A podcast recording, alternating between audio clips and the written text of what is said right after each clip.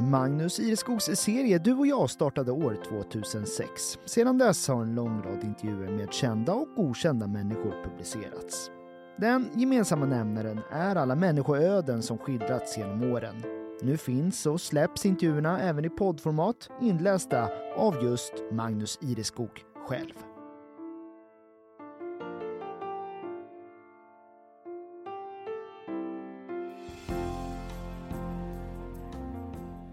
I september 2021 gick Åsa Persson ur tiden. Via flera intervjuer följde jag hennes cancersjukdom. Idag berättar hennes man Jens Persson om sorgen. Jag lägger fokus på de goda minnena och ger mig tid att hinna ikapp mig själv, säger han. Före den här intervjun hade jag aldrig träffat Jens Persson. Han fanns någonstans i bakgrunden, ett namn bara, en älskad make. Däremot träffade jag alltså flera gånger hans hustru Åsa, då sjuk i spridd bröstcancer, även kallad metastaserad cancer. Hon tog första gången kontakt med mig på hösten 2017 och ville berätta om den diagnos hon fått knappt två år tidigare. Det blev en lång intervju i familjens gula trähus i Väte.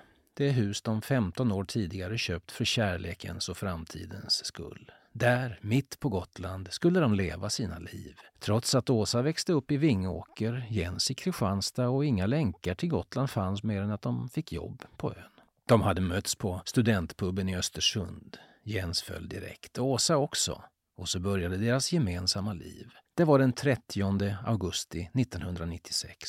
På datumet 20 år före hennes första dos cellgift på onkologen i Visby. Det var en bland många intervjuer jag gjort, om inte sällan tunga ämnen, tänkte jag då. Inte mer med det. Men istället kom Åsa och jag med tiden att utveckla en ovanlig relation. För efter det där första mötet höll vi kontakten, via främst mejl. Jag hörde mig för om läget, inte i första hand som reporter utan som medmänniska. Och hon skickade alldagliga rapporter från verkligheten. Bilder från fjällvärlden där de gärna vistades. Ja, säger Jens, när vi sitter i lägenheten i Visby för huset i Väte är sålt. Vi kommer till det. Ja, säger han. Det här måste jag berätta för Magnus, sa hon ibland. Hon tyckte om att ha den kontakten. Det var fint att se. Det blev sen ytterligare intervjuer. En gång på Stora Gåsemora 2019 dit hon tärd av sjukdom tagit sig för att se idolen Ulf Lundell. Hans låt Gå ut och var glad var en av hennes terapilåtar. Och en sista intervju gjordes i februari 2020. Hur lång tid har du kvar? frågade jag. Sjukdomen hade härjat sedan hösten 2015. Bara en av fyra överlever fem år. Svaret? Jag vill inte veta. Ingen mår bättre av att veta. Så tänker jag, sa Åsa. Jag lägger hellre energin på att vara här och nu. Den 8 september 2021 var allting över. Då, strax före midnatt, somnade Åsa in på Visby lasarett. Ett liv var till ända, men också ett långt lidande. Jens tog kontakt med mig strax därpå, berättade om dödsfallet och bjöd samtidigt in mig till begravningen. Det var en önskan från Åsa. Jag hade inte möjlighet att närvara men sände en sista hälsning och skrev en text i tidningen om vår vänskap. I sena februari 2023, ett och ett halvt år sedan Åsa lämnade jordelivet, träffas Jens och jag för första gången för att prata om hur det var och hur det blev. Det är en annan tid nu. Det finns ett så tydligt före och efter. Idag är han ensam och pappa på heltid till de båda barnen, 16 och 9 år gamla. Jag kommer att ha Åsa med mig alltid. Så är det, säger han. Efter en skilsmässa kan man kanske lämna sin partner och gå vidare, men i det här fallet, nej, hon är med mig. Är du fortfarande gift med Åsa som du ser det? Nej, säger han, det går inte. Man kan inte vara partner till en som är död. Jag saknar tiden med Åsa, men i den stund hon tog farväl, då är det bara jag. Deras drömhus i Väte är sålt och lämnat. Ett renoveringsobjekt som de lade tid och kraft på. De skapade en lummig park och Åsa lämnade kontorsarbetet och började med biodling och honungsproduktion, som mest 15 ton om året. Men så insjuknade hon. En första indikation i september 2015. Beskedet om att det var kroniskt och obotligt kom ett par månader senare, den 28 november. Ett tydligt datum. Åsa skulle den kvällen på Lundellkonsert i Visby men tvingades istället försöka orientera sig i en helt ny och kantrad tillvaro. Då rasade livet för oss båda. Jag gick totalt under, säger Jens. Under sjukdomstiden kom den park de skapat att ännu bli vårdande mitt i krisen gav det energi att vistas där, säger han. Det tog, säger Jens, fem och ett halvt år att besluta sig för att sälja huset. De pratade mycket med varandra, Åsa och Jens. Inga ämnen var för svåra att tala om. Jag kommer inte att leva länge till. Orkar du verkligen bo kvar här efter det? sa Åsa. Jag var övertygad, säger Jens. Minnena skulle också ge trygghet. Men mitt i det som blev hennes sista sommar kände jag, nej, jag vill inte det här mer. Då hade hon i april fått besked att cellgifterna inte längre biter. Jag ville inte.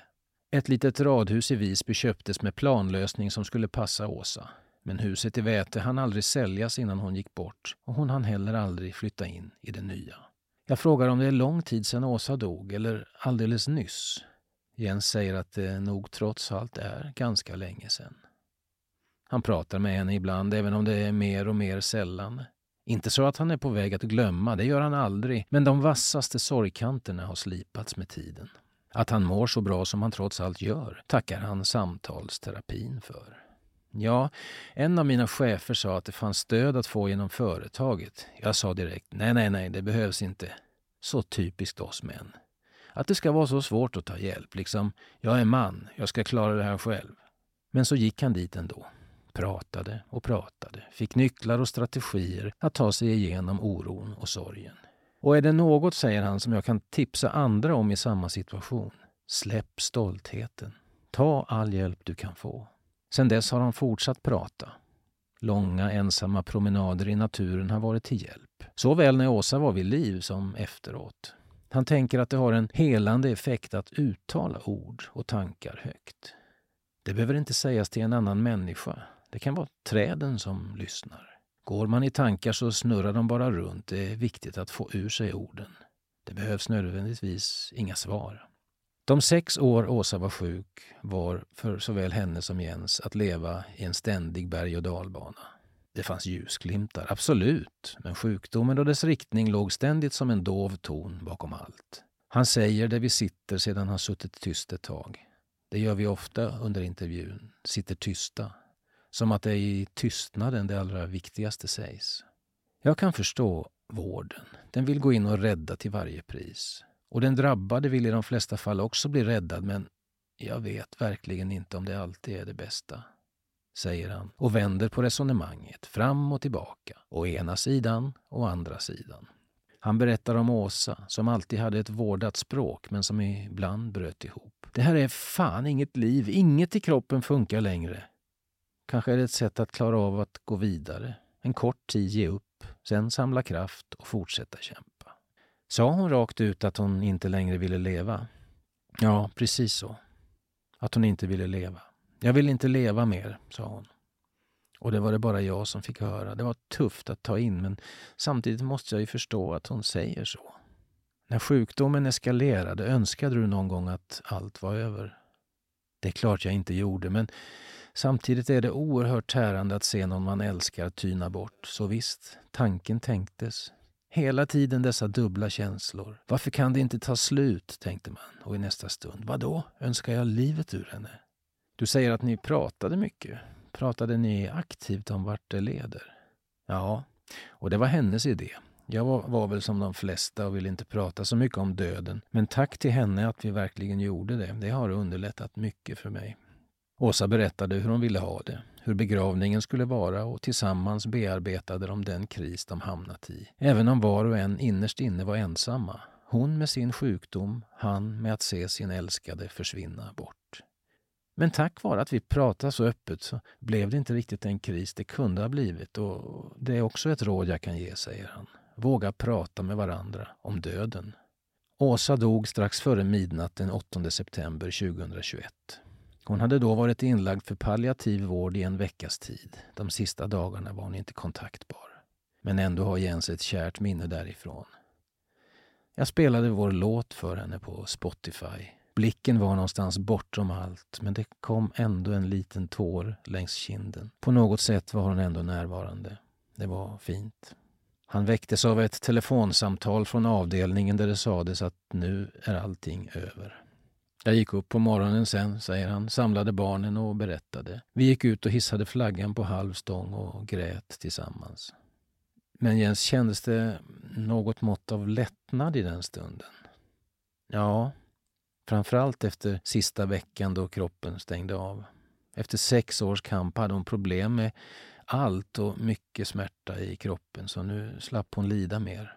Kändes det lättnad för din egen del också? Ja, men det är sekundärt. Det var fokus på Åsa. Hon hade äntligen fått frid. Jens säger att han satte sitt eget sorgarbete på vänt. Sörjt hade han för all del gjort under flera år, men i exakt den stund döden kommer är den alltid lika oväntad. Mycket fanns att ordna, som för alla som mister någon. Av sina nära vänner fick han hjälp att skingra tankarna. Först fick jag och barnen två dagar att smälta vad som hänt. Men sen blev vi bortbjudna på grillning. Det var perfekt. Inget sorgesnack, utan bara vara med vänner som tog hand om allt. Både jag och barnen fick vila tankarna. Vi var helt slut. Under julen och förra våren tog han tag i sin sorg, tillät sig känna allt han kände och tog sig hel genom svärtan. När du tänker på Åsa idag, vad tänker du? Jag fokuserar på det positiva. På värmen, glädjen, alla fina minnen och allt roligt vi gjort tillsammans. Sjukdomen har jag bearbetat. Den är borta. Hon var inte sin sjukdom. Hon var Åsa och det är minnena av henne som består. Vem var det du träffade en gång i tiden på den där studentpubben? Ja, du, säger han och sitter tyst ett tag igen. Tar sig dit i tanken till de tidiga 20 åren. Det var något med hennes sätt jag blev stormförälskad bara jag såg henne, knockades helt och hållet. Vi fick verkligen några fina år. Jens kommer att bo kvar på Gotland. Här finns hans rötter nu och här finns barnens.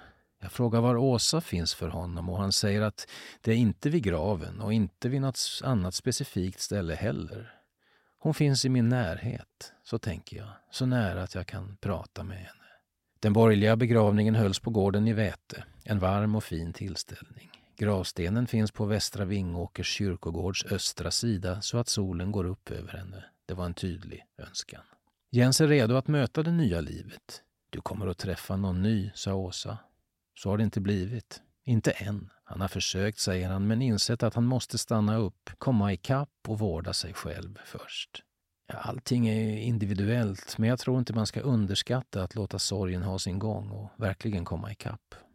Redan som tonåring hade han dock två saker han gärna ville göra i livet. Den ena är sedan länge förverkligad, att ta mc-kort. Och det andra är att lära mig segla. Jag går diverse kurser nu och räknar med att jag sommaren 2024 har en egen båt i sjön. Så jag har hittat en mening och något att ägna mig åt. Du, Ulf Lundell var ju Åsas stora idol. Gillar du också hans låtar? Jens skrattar, skakar på huvudet. Nej, säger han. Nej, det har jag aldrig gjort. Men jag har faktiskt lyssnat mer nu sedan Åsa dog. Det finns fina minnen av henne i musiken. Efter att vi genomfört den här intervjun tar vi bilder på Södra Hällarna, en av många platser där Jens går sina promenader. Här kommer han nära sig själv och sina minnen. Här kan han prata högt utan att någon nödvändigtvis behöver höra vad han säger. Dagen efter får jag ett mejl i boxen. Tack för igår. Det berörde mig mycket då minnen och tankar kom åter. Det blev känslosamt. Varje år insjuknar runt 1500 kvinnor i Sverige i spridd bröstcancer. En av fyra överlever fem år med sjukdomen. Åsa Persson blev 47 år gammal. Ja, gillar du också Magnus Ireskogs intervjuserie Du och jag så finner du fler avsnitt på helagotland.se under poddar och program.